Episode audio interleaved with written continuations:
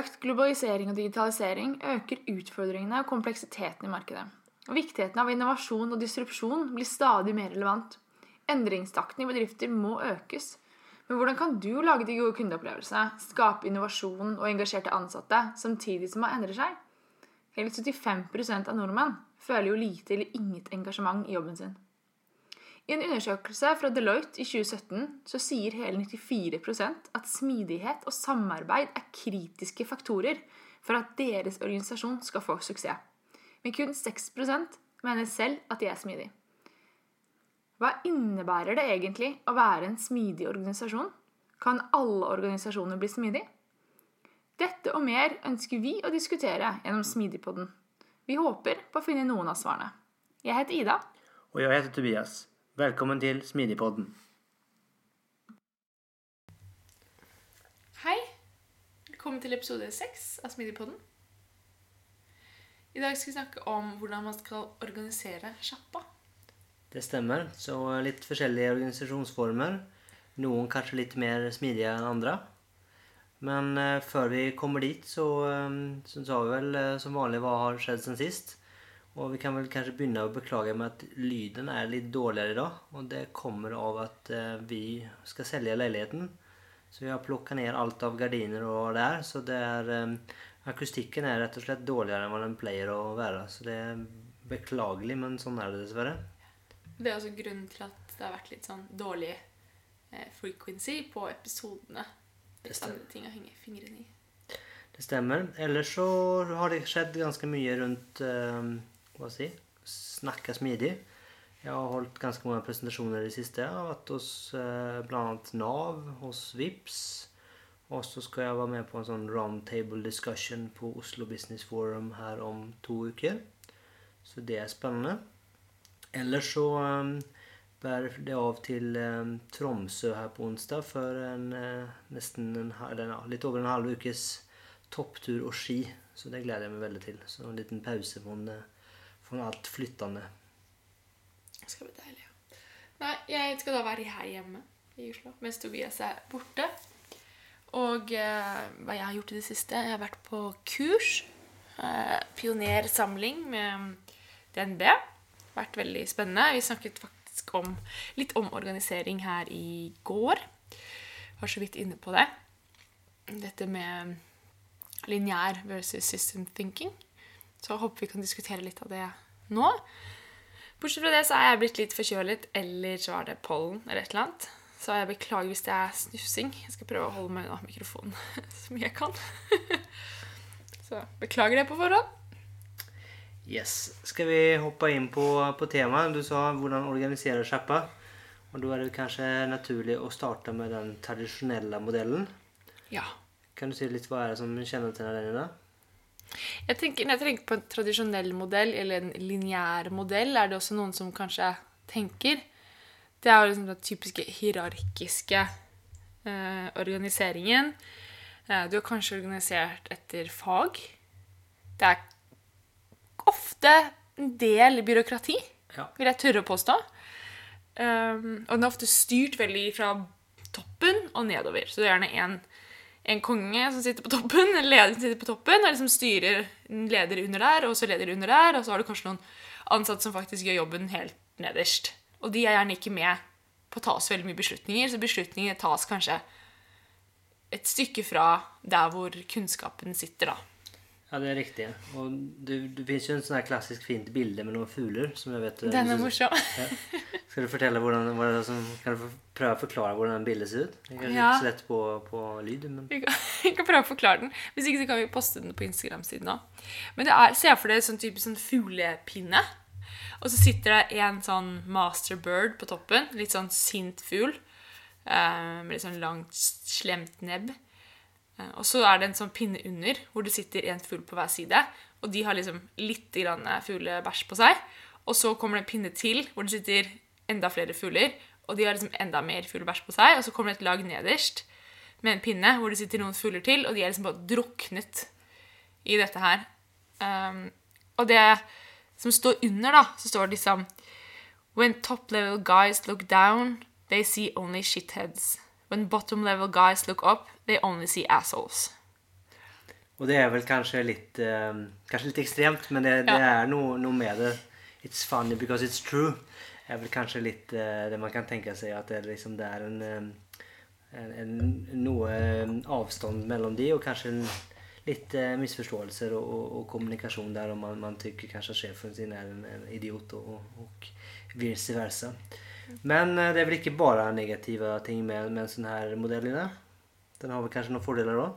Ja, den har kanskje det. Den um, er jo veldig kjent, da. Veldig mange bruker den. den. Man vet at den funker. Men der man ser at det kanskje funker best, er hvor du har type repetitive oppgaver. Kanskje kanske det var ganske relativt enkle oppgaver òg? Ja, relativt enkle oppgaver. Der det kanskje ikke endrer seg så mye heller så det er liksom kanskje, kanskje är inte urealistisk at han på toppen har vært der lenge og faktisk kan detaljene godt og, og Ja. kan, kan, kan faktisk ta riktige beslutninger i en sånn, sånn värld for det endrer seg ikke så mye. Ja. Så kan det være Mange syns jo kanskje det er greit å forholde seg til. Det er ganske sånn tydelig hvem som har hvem som er lederen din, hvem man er leder for, hvem som har personalansvar for deg, eller hvem, du, hvem som har personalansvar for hvem. Hva, tenker du om motivasjonen i en sånn organisasjon? då? Det, liksom, Er det intern eller extern motivation eller hva? Det kommer sikkert an på individet, men sånn i utgangspunktet så vil man jo tro at det kanskje er litt, litt større grad av ekstern motivasjon enn intern motivasjon.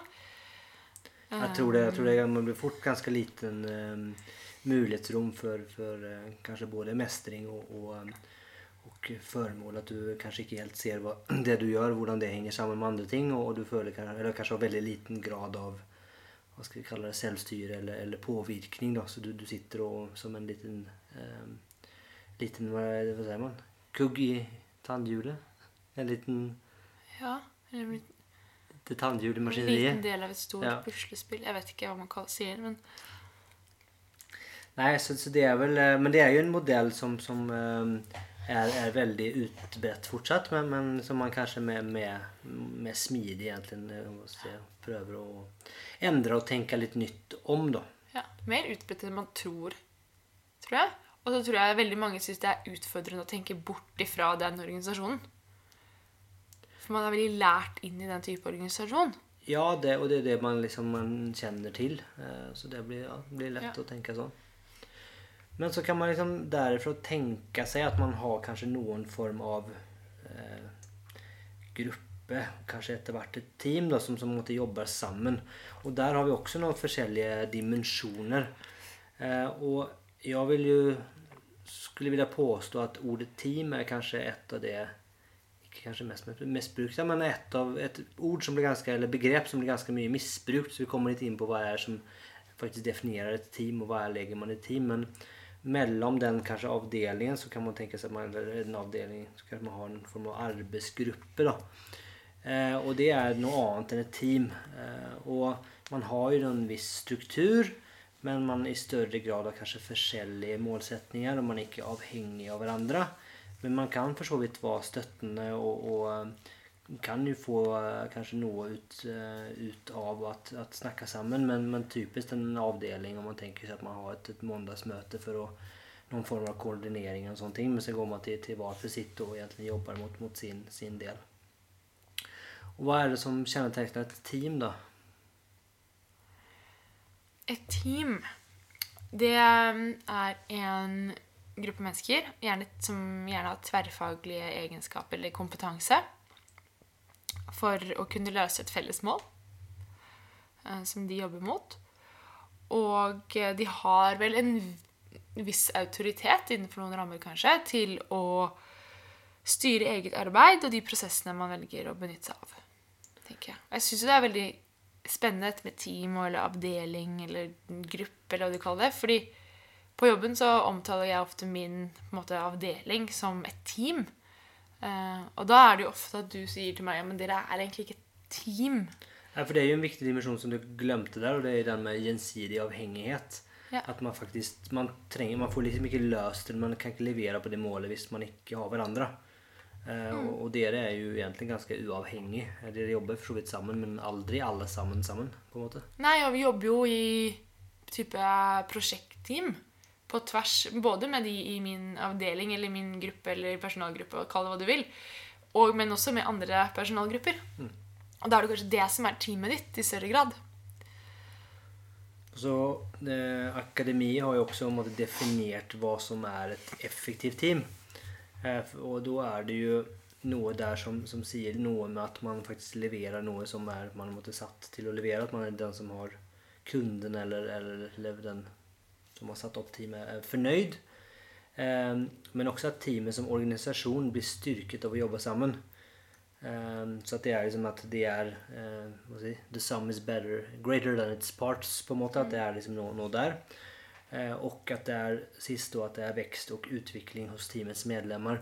Så at det er, liksom, det er faktisk bedre eh, når de er måte, ferdig med det teamarbeidet, eller den som de jobber som team, enn når de kom inn. De har faktisk måte, blitt fagligere, flinkere eller bedre mennesker, eller hva det måtte være. Det har, liksom vært en, det har vært en fordel å være med i den, det teamet. da. Det er jo et, det er veldig fint det du sier nå, for det er også veldig aligned med smidige prinsipper og verdier. Absolutt. Og det er jo i, i smidig så er det jo det som har kanskje vært eh, historisk fokus. Altså det er jo det som har vært fokus lenge, da. Er jo akkurat det å liksom ha eh, få, få til team. Uh, og det har liksom vært, vært liksom, uh, målbilde, og det er ofte man snakker om, om scrum team og utviklingsteam og de bitene der, at man liksom har tappa inn på det. Og det er uten tvil at får du et effektivt team, så kan det virkelig begynne å skje veldig mye, da. Ja, for hvilke fordeler er det ved et team? Uh, ja, det er jo det at det er jo veldig kan være veldig effektivt, og det kan være liksom veldig raskt. For du har jo en, en, i hvert fall en nivå av noen form av uh, uavhengighet, hvilket gjør at de i større grad kanskje kan ta de beslutningene selv. Så de kan bevege seg veldig kjapt. Så type uh, i innovasjonsarbeid eller om du har noe tydelig mål, uh, så kan du sette team på det, så kan du liksom veldig snabbt iterere eller måtte utvikle seg videre på det. Og jeg tror at den måten å jobbe på skaper veldig høy indre motivasjon. Og, du får liksom den, den stabiliteten der. Men det er jo kanskje en liten nedside da, er jo at det er jo kan fort bli den nye siloen. Eh, teamet er såpass kanskje så velfungerende, og det har ikke behov, eller i hvert fall tror ikke det har behov for andre. Eh, det blir kanskje lite, lite dynamisk. Eh, det spørs jo hvor lenge et team kan jobbe uten at de har måttet nådd sine mål. I så fall kan de jo få kanskje nye mål, men at det er kanskje noe der med at det tenderer til å bli kanskje litt statisk. Eh, og så er det, som, som, jeg pleier å si, at det er vanskelig å kutte kaka riktig, spesielt over tid. Og det er kanskje litt vanskelig å skjønne hva jeg prøver å si der, men det er liksom eh, Når du skal sette opp et team, så må du ta en del av et, en organisasjon eller en del av en problemstilling.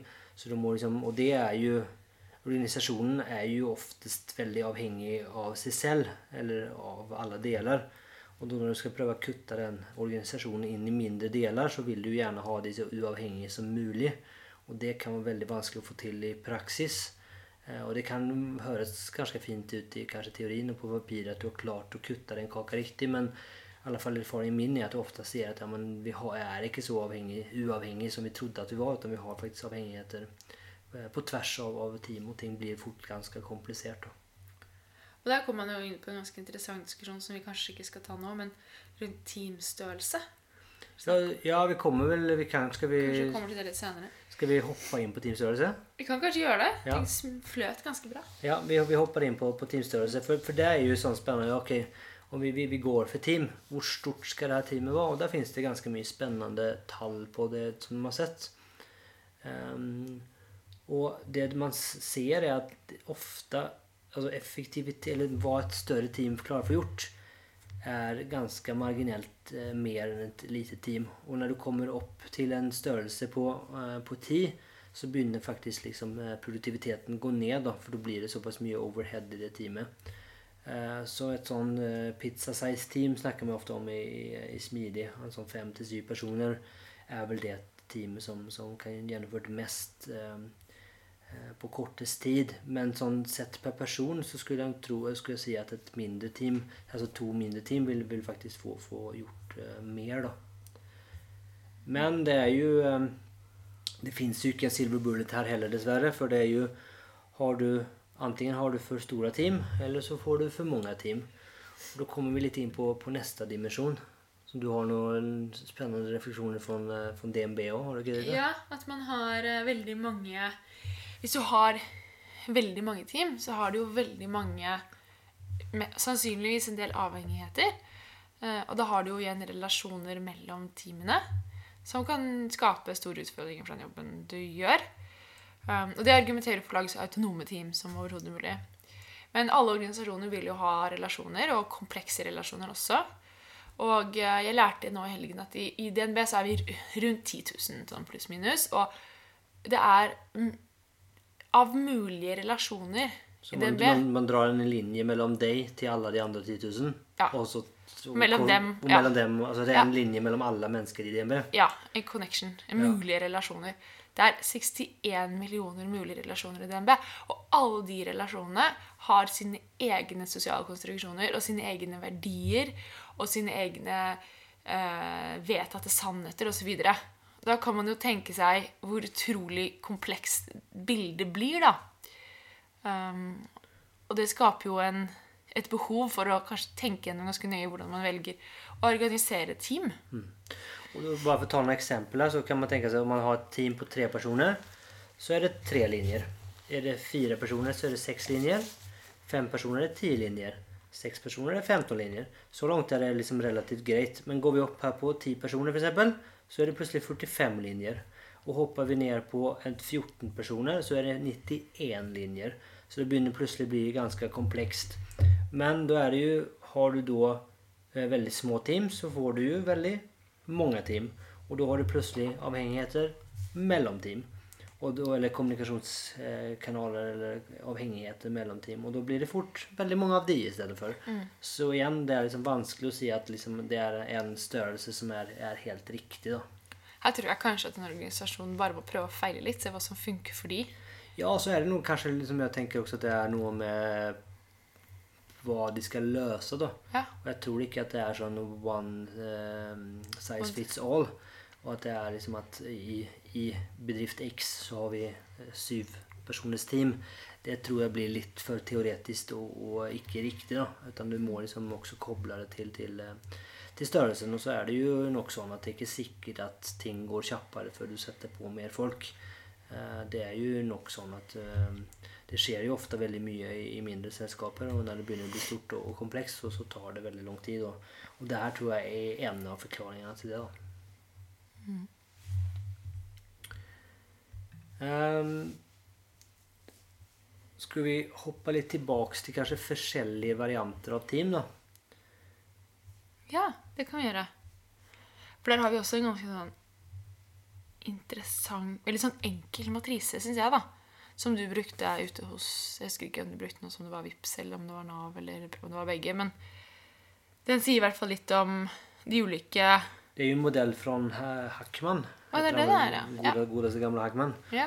Jeg vet ikke om Hackman kanskje ikke lever lenger, men han er jo sånn eh, teamguru. ja. Egner sitt liv til teamforskning. da. Det er en ganske fin eh, liten Kan man kalle det for en matrise? Er det Hackman eller Tukman? Jeg vet ikke. Ja, det er en mann. Ja, det er en mann. Egentlig greit. Men vi kan legge ut den også Ja. på Instagram-siden vår.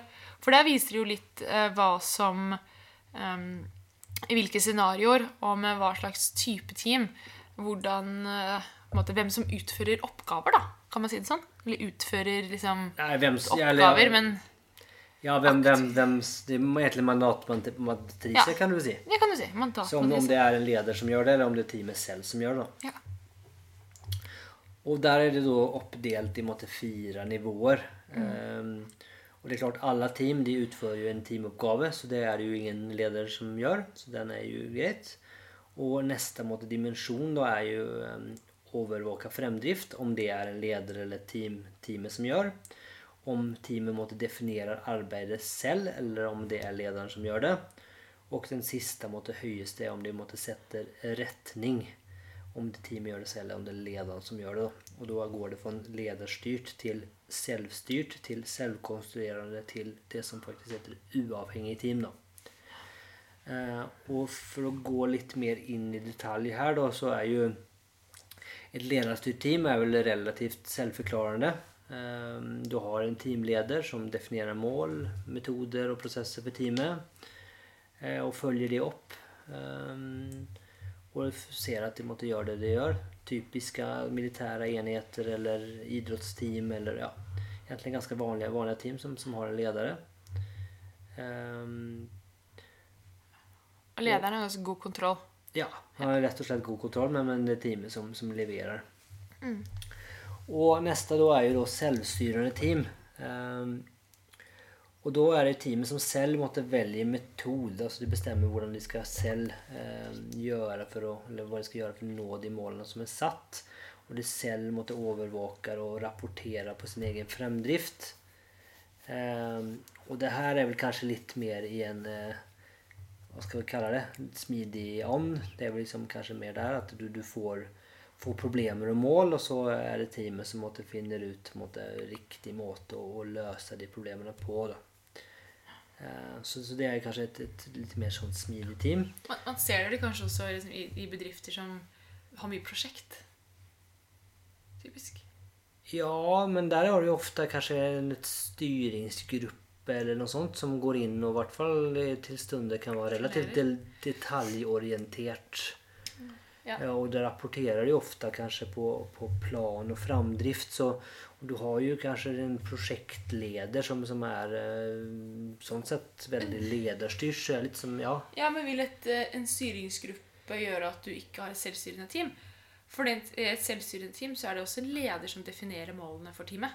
Ja, det, det, er jo gruppen selv som bestemmer. Ja, det kommer jo an hvor operativ eller hvor, hvor, ja. hvor på, på, den er. da. Uh, for de kan jo absolutt definere måte, hvordan målet skal løses, og hvilken prosess som skal Mm. Det kan jo ofte I større selskaper så har du kanskje til og med en gitt prosjektmetodikk, eller noe sånt, så det er jo veldig gitt hvordan ting skal gjøres. Så det er liksom Du eksekverer mer eller mindre på det som, som andre har definert. da. Ja, og da vil jeg ikke si at du er selvstyrende. Nei, Men hvis du har mer en type ledelse som kanskje ikke er så det kommer jo så klart an på, men jeg tipper at du har en styringsgruppe der for at du ikke har helt Autonomi. Ja, eller den tilliten og du liksom vil ha kontroll, og du vil kunne passe på hva det er de faktisk driver med. Mm. Ja. Men det er ikke nødvendigvis at man har det heller. Det er jo noe vi antar. Ja, absolutt. Ja. Så har vi selvkonstruerende team. Ja. Um, og der er jo en, en, en, annen variant. at Der har jo liksom teamet og myndigheter selv definerer hvordan de ønsker å arbeide i en organisatorisk kontekst.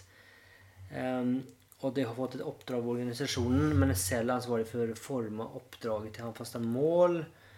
Uh, liksom veldig mye frihet her, uh, men eh, det er i alle fall Forskningen viser at det er ganske ineffektivt. Da. Eh, og det er liksom veldig vanskelig. Det blir stort potensial for konflikt og veldig vanskelig å måtte få kontroll på, på fremdriften. Da. Og den siste er jo det man kaller uavhengig team. Eh, og da har teamet selv full frihet og definerer selv eh, både formål og sin egen eksistens. Eh, og da er jo liksom Jeg vet ikke helt hva det om du har noe eksempel på det, men, men du kunne man kanskje tenke seg at det er en eh, At det er noen styringskomité av noe slag eller noe, noe sånt som, som egentlig et styre kanskje man kunne se som, som måtte sette retning og bestemme mye selv. Um, og det er klart, om man da tenker at du setter det i en, som en endimensjonell At du kan gå for en tradisjonell organisasjon, så kan du kanskje gå mer og mer mot et liksom et uavhengig team lengst, lengst til høyre og gå gjennom disse fasene. Og det er liksom en, en måte å tenke på at du kan liksom kanskje bevege deg eller organisere deg på forskjellige måter innenfor det. da. Hvordan team har dere i Riks-TV? Eh, teamene i Riks-TV er vel relativt selvstyrte. Eh, og det er klart, i alle fall noe av det vi har sånn skriftlig, så, så er det nok eh, relativt eh, Hva skal vi si eh, fritt skrevet. Men, men, jeg tenker at det har veldig mye med teammodenhet å gjøre. Altså både som team, men også de medlemmene teamet har. Eh, for det kreves jo klart ganske mye av å av både måtte, bransje og eh, eh, forretningsforståelse og liksom, om desto mer du skal ta ansvar for som team. Da. Og det er klart at, å konstruere seg selv på en måte er jo relativt eh, komplekse ting. Så det, noe, det, det kommer veldig an på hvorvidt ditt, eller hvor gode de timene er, eller hvor lenge det har funnits, hvilket, eh, hvilken måte mandat de har eller, eller tar. da. Eh, og så kunne man jo også tenke seg, det har vi ikke snakket så mye om, og det har ikke jeg så veldig mye, eller vi så mye erfaring av, men det er jo å tenke seg at man har noen form av marknads... Eh, rett og slett du har konstruert noen dimensjoner eller noe system som gjør at egentlig liksom eksterne omstendigheter måtte styre. da. Så du snakker om internfakturering og sånne ting. At det kunne liksom du får marknadskrafter som styrer hva som måtte bli gjort og eh, prioritert. Nå har ikke jeg selv noen erfaring av at det noensinne har fungert, men det er godt mulig at det fins bedrifter som får det til å fungere. Eneste erfaringen jeg har hatt, er jo at det var innleid et sted der det ikke fungerte. Grunnen til at jeg var innleid da, var for at vi var, rimeligere å leie inn oss enn det var å bruke de interne ansatte. Så det hadde gått skikkelig gærent. Og det var hele tomme etasjer i bygget som sto tomme for de var for dyre å bruke. da. Så det var liksom, det hadde gått ganske gærent. Men, men, det var liksom den tanken at du måtte hadde noen form av markedskrafter som måtte styrte hva som skulle bli gjort. Det fungerte ikke så bra der. i hvert fall. Men jeg har jo jobbet i en del store organisasjoner og har vært konsulent ute hos en del store organisasjoner. Og alle de stedene så har man jo gjort den type organisering da, hvor du har internfakturering, og, eller i hvert fall veldig mange av de har det. Har hatt det. Og eh, min oppfatning er i hvert fall det at det ikke har fungert spesielt godt i noen av tilfellene. Det blir en veldig kunstig form for organisering. Og det blir en veldig merkelig å definere for det, det, er jo på den måten at ulike avdelinger, eller hva du vil kalle det, kanskje kan prise sine ansatte på ulike måter. Så det blir jo veldig merkelig at en avdeling priser sine ansatte til altså 2000 kroner timen, og så er det noen andre som priser sine til 1000 kroner timen. Da blir det jo veldig skjev um, det, det, påvirker jo kulturen. Ja, ja. Uh, og ansatte det, Man kan jo fort kjenne på at det er litt merkelig. da. Hvorfor er de i gåseøyne verdt mer enn meg, eller verdt mindre enn meg. Um, som blir litt rart. Det blir veldig kunstig. Det er for min oppfatning rundt det. da. Altså, kan det jo være i situasjoner hvor det faktisk fungerer òg. Absolutt. Eh, og det var vel eh, Jeg vet ikke hvor vanlig man prøver altså Det kanskje er store selskaper så vet jeg man, man har prøvd i hvert fall historisk sett. Jeg vet ikke om det er noe man gjør igjen i dag? Jo, man gjør det selv i dag ja. i mange store selskaper. Og det er jo tror jeg, for å plassere kostnader og inntekter på et på ulike avdelinger eller ja. under spesifikke ledere, da. Um, så det blir jo en veldig type gammeldags form for tankegang også. At du gjør noe, du gjør ikke noe for the greater good av selskapet, men du skal på en måte mele din egen kake, da. Ja, men ja. Det er kanskje det For jeg, jeg bare tenker at det burde jo være kanskje det man ikke ønsker å få. Man ønsker liksom at du skal få noen form av eksterne faktorer som måtte driver det her. da. Uh, og at du ikke skal få den interne favoriseringen, på en måte, men det er kanskje sånn det blir i praksis. Ja, kanskje jeg tolker det feil. Ja.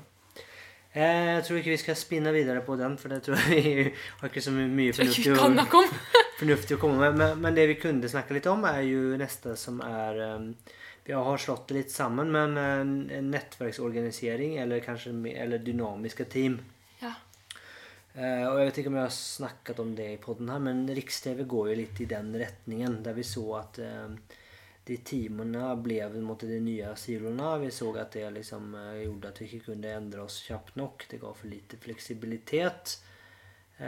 så derfor så har vi eh, begynt å se på det her. Men før vi går dit, så kunne vi faktisk gå på en annen modell.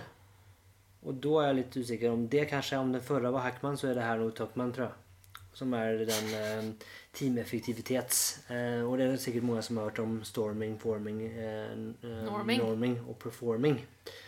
Eh, og da er det jo Igjen så er det fantastisk hvor mye bilder og illustrasjoner vi prøver å formidle I en episode, ver, ver, verbalt. Ja. Men, men sånn, sånn, går nå dagen.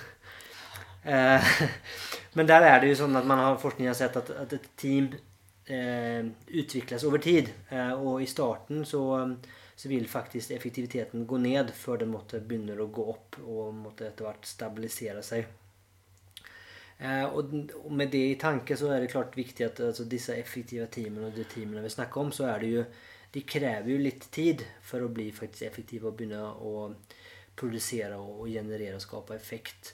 Så klart om du da endrer organisasjonen veldig hyppig, eh, i hvert fall i en organisasjon som ikke er vant til det eller god til å håndtere det, så kan jo det få, få konsekvenser. Så det er noe man bør være litt bevisst om, da. Eh, men det fins noe her som er eh, veldig spennende med den måten å tenke på. da. Ja. og det kan jeg jo komme med noen eksempler fra min egen hverdag, egentlig. Vi har ganske mm, Vi har team som endres relativt hyppig.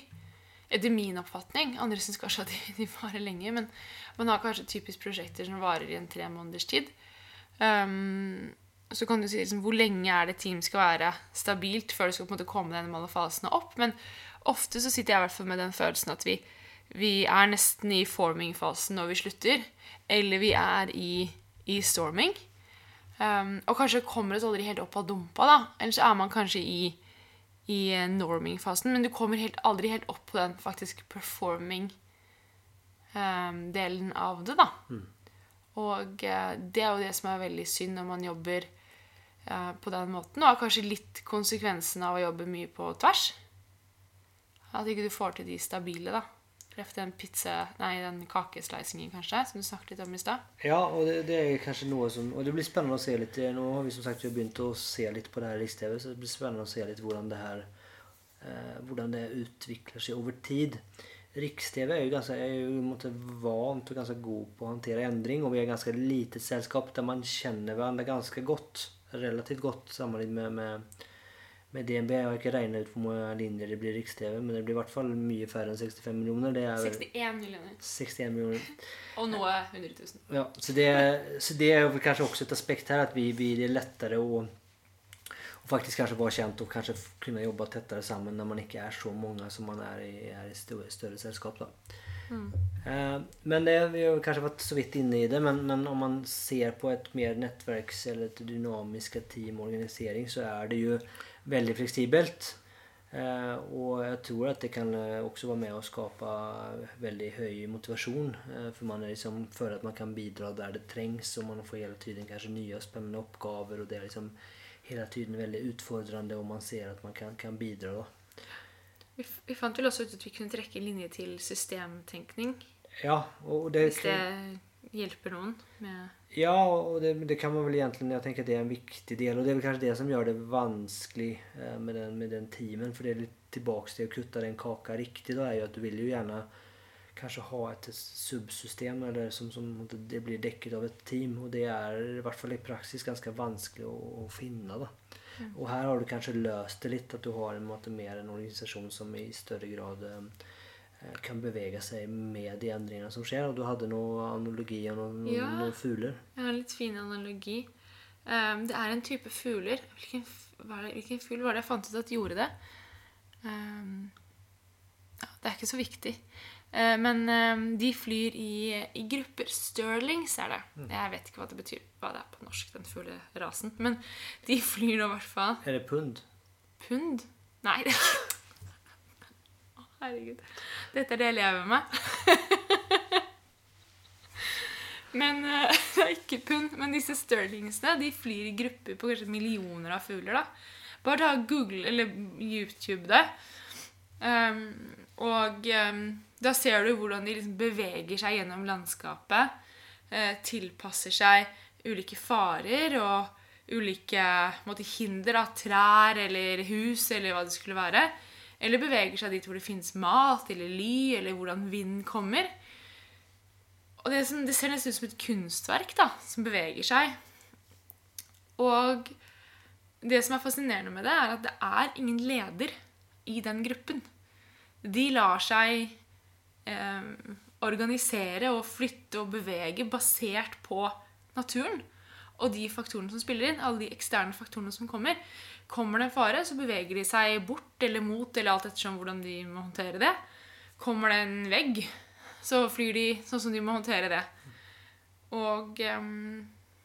Men, men da kommer vi kanskje inn med liksom det Kanskje ulempene eller utfordringene er jo at uh, de, de fuglene her og en, annen, en organisasjon må jo ha kanskje veldig sånn tydelig felles forståelse på hva som er målet. Ja. Og hva som måtte er eh, ting man skal prøve å finne, og hva ting man skal prøve å unnvike.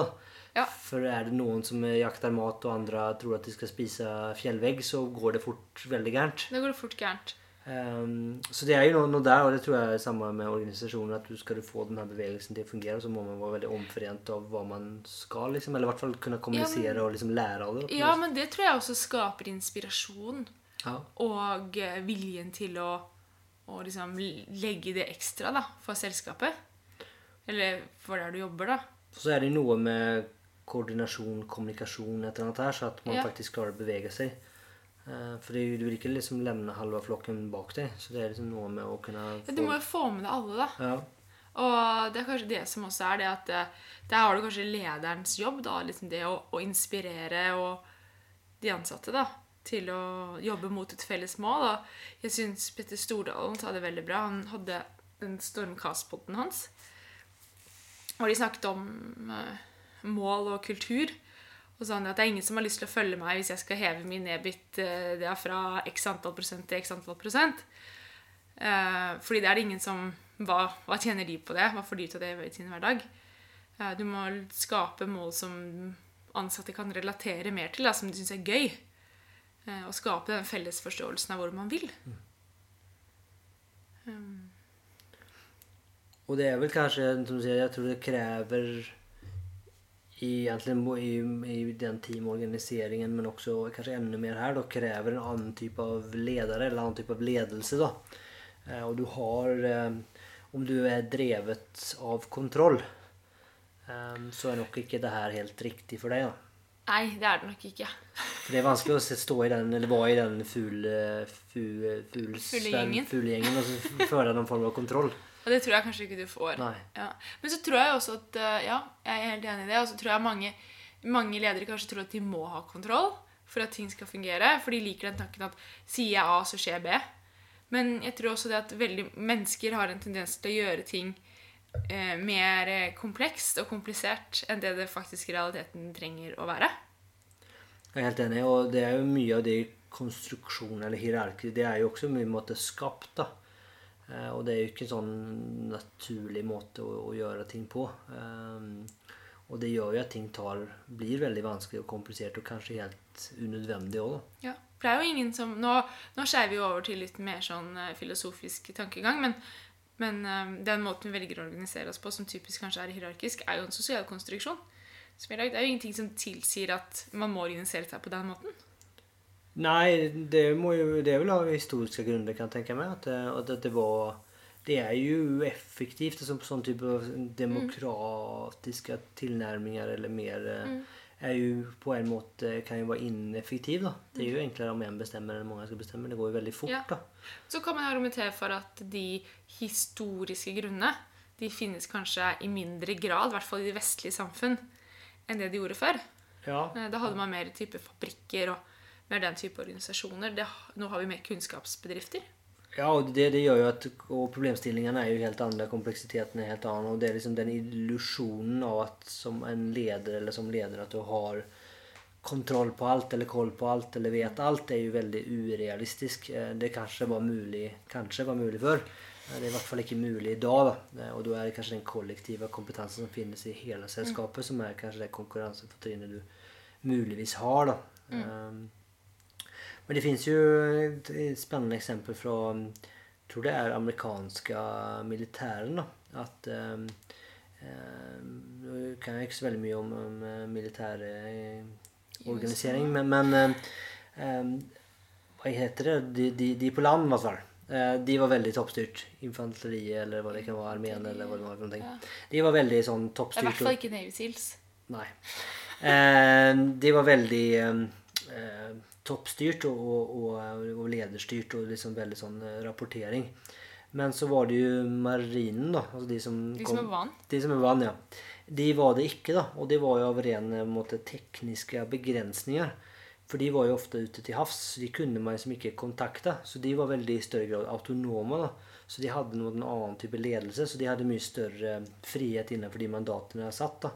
Eh, for det var liksom eh, Og du tenker i gamle, gamle dager, liksom? Før det ble ja, fikk, Før man fikk radioer og ja, liksom ja, ja. walkietalkier. Og, og tenkte tilbake til at det liksom er historiske grunner. Så, så der hadde man liksom, man måtte løse det på en annen måte, for man hadde, kunne ikke ha kontroll. da. Så de måtte man ha en annen type ledelse for, de, eh, for marinen. da. Eh, skal vi prøve å oppsummere, eller har du noe mer du tenker at vi skal komme innom før vi Nei, vi kan godt oppsummere. Eh, Vi har masse mer spennende vi kan snakke om, men jeg tror kanskje det er en annen episode. Som eksempel todelt lederskap og sånne ting. Ja, det er mye Som- spennende som, som henger sammen, men jeg tenker det er kanskje en, en episode i seg selv. Ja, liksom den her er liksom myten om den perfekte leder. Kanskje er neste episode. Ja. Det er et spennende tema. For å oppsummere, da, hva vi snakket om. Vi har snakket om komplekse, eller vi har startet å snakke om komplekse relasjoner. Vi har ikke snakket så spesifikt om det, men alle mulige relasjoner i form av teams, og hvordan du Store, små, store eller små team. Mange. Ja, vi begynte jo egentlig med å snakke om tradisjonell organisering, eh, Ja. som har en plass. Eh, kanskje ikke så eh, Behovet for den i dag er vel kanskje ikke så stor som den var historisk sett. Men eh, sitter du i et selskap som eh, gjør veldig eh, mye av det samme, og det er relativt lite komplekst, så er det jo relativt effektivt at du har en som bestemmer på toppen. Eh, og så har vi snakket om litt forskjellige modeller av team. Eh, Ja. I hvilken grad det er lederen eller teamet som, som bestemmer. Mm. Eh, og så sånn litt mot slutten Og vi har også snakket om før, som du var inne på, fordeler og ulemper med Ja. Teamstørrelse og litt på måte, den styringen og hva, hva, hva man kan tenke der. Og at det kanskje ikke finnes noen, noen silver bullet. Og så helt mot slutten så har vi snakka litt om eh, nettverk og dynamisk organisering, som er kanskje en, en annen måte å tenke på. som, som er eh, Og det tenker jeg kanskje er viktig at, det, at eh, viktig poeng da er at måte, smidig har jo Man har fokusert veldig på å få disse teamene til å fungere veldig bra, men nå så er det kanskje litt mer i vinden med liksom eh, organisatorisk smidighet eller eh, liksom smidig på tvers sånne ting. Og da er vel kanskje man ser at det kanskje er andre organisasjonsformer eller i hvert fall kompleksiteten kanskje ligger andre steder enn å bare få det teamet til å yte maks. Utan det kanskje er samarbeidet og, liksom interaksjonen mellom team eller mellom deler av organisasjonen sånt som kanskje begynner å bli ekstra spennende. For det, det spiller ikke noen rolle at teamet ditt eh, som enhet er, er veldig, eh, veldig effektivt og veldig bra hvis det er noe avhengigheter eller ting eh, ikke fungerer på, på, i resten av organisasjonen, så får du kanskje ikke ut maksimalt av det som du kunne fått ut. Ja, skal vi eh, takke for oss? Og så er det vel som vanlig kanskje Gjerne send inn eh, spørsmål eller kommentarer eller feedback. Eh, følg oss på Instagram. Send oss mail. PMs. Ja. Ja. Kommuniser gjerne med oss. Det setter Ja. vi pris på. Vi skal prøve å bli litt mer eh, aktive på Instagram-siden vår. Kan jeg ikke love noe før vi har fått solgt og flyttet, da, men uh, de kan i hvert fall prøve. Prøve. Ja. Ja. Så uh, håper jeg at vi ikke går altfor lenge til vi høres neste gang. Nei, Håper Yes. ikke jeg heller. Sier vi ha det bra? Ha det bra!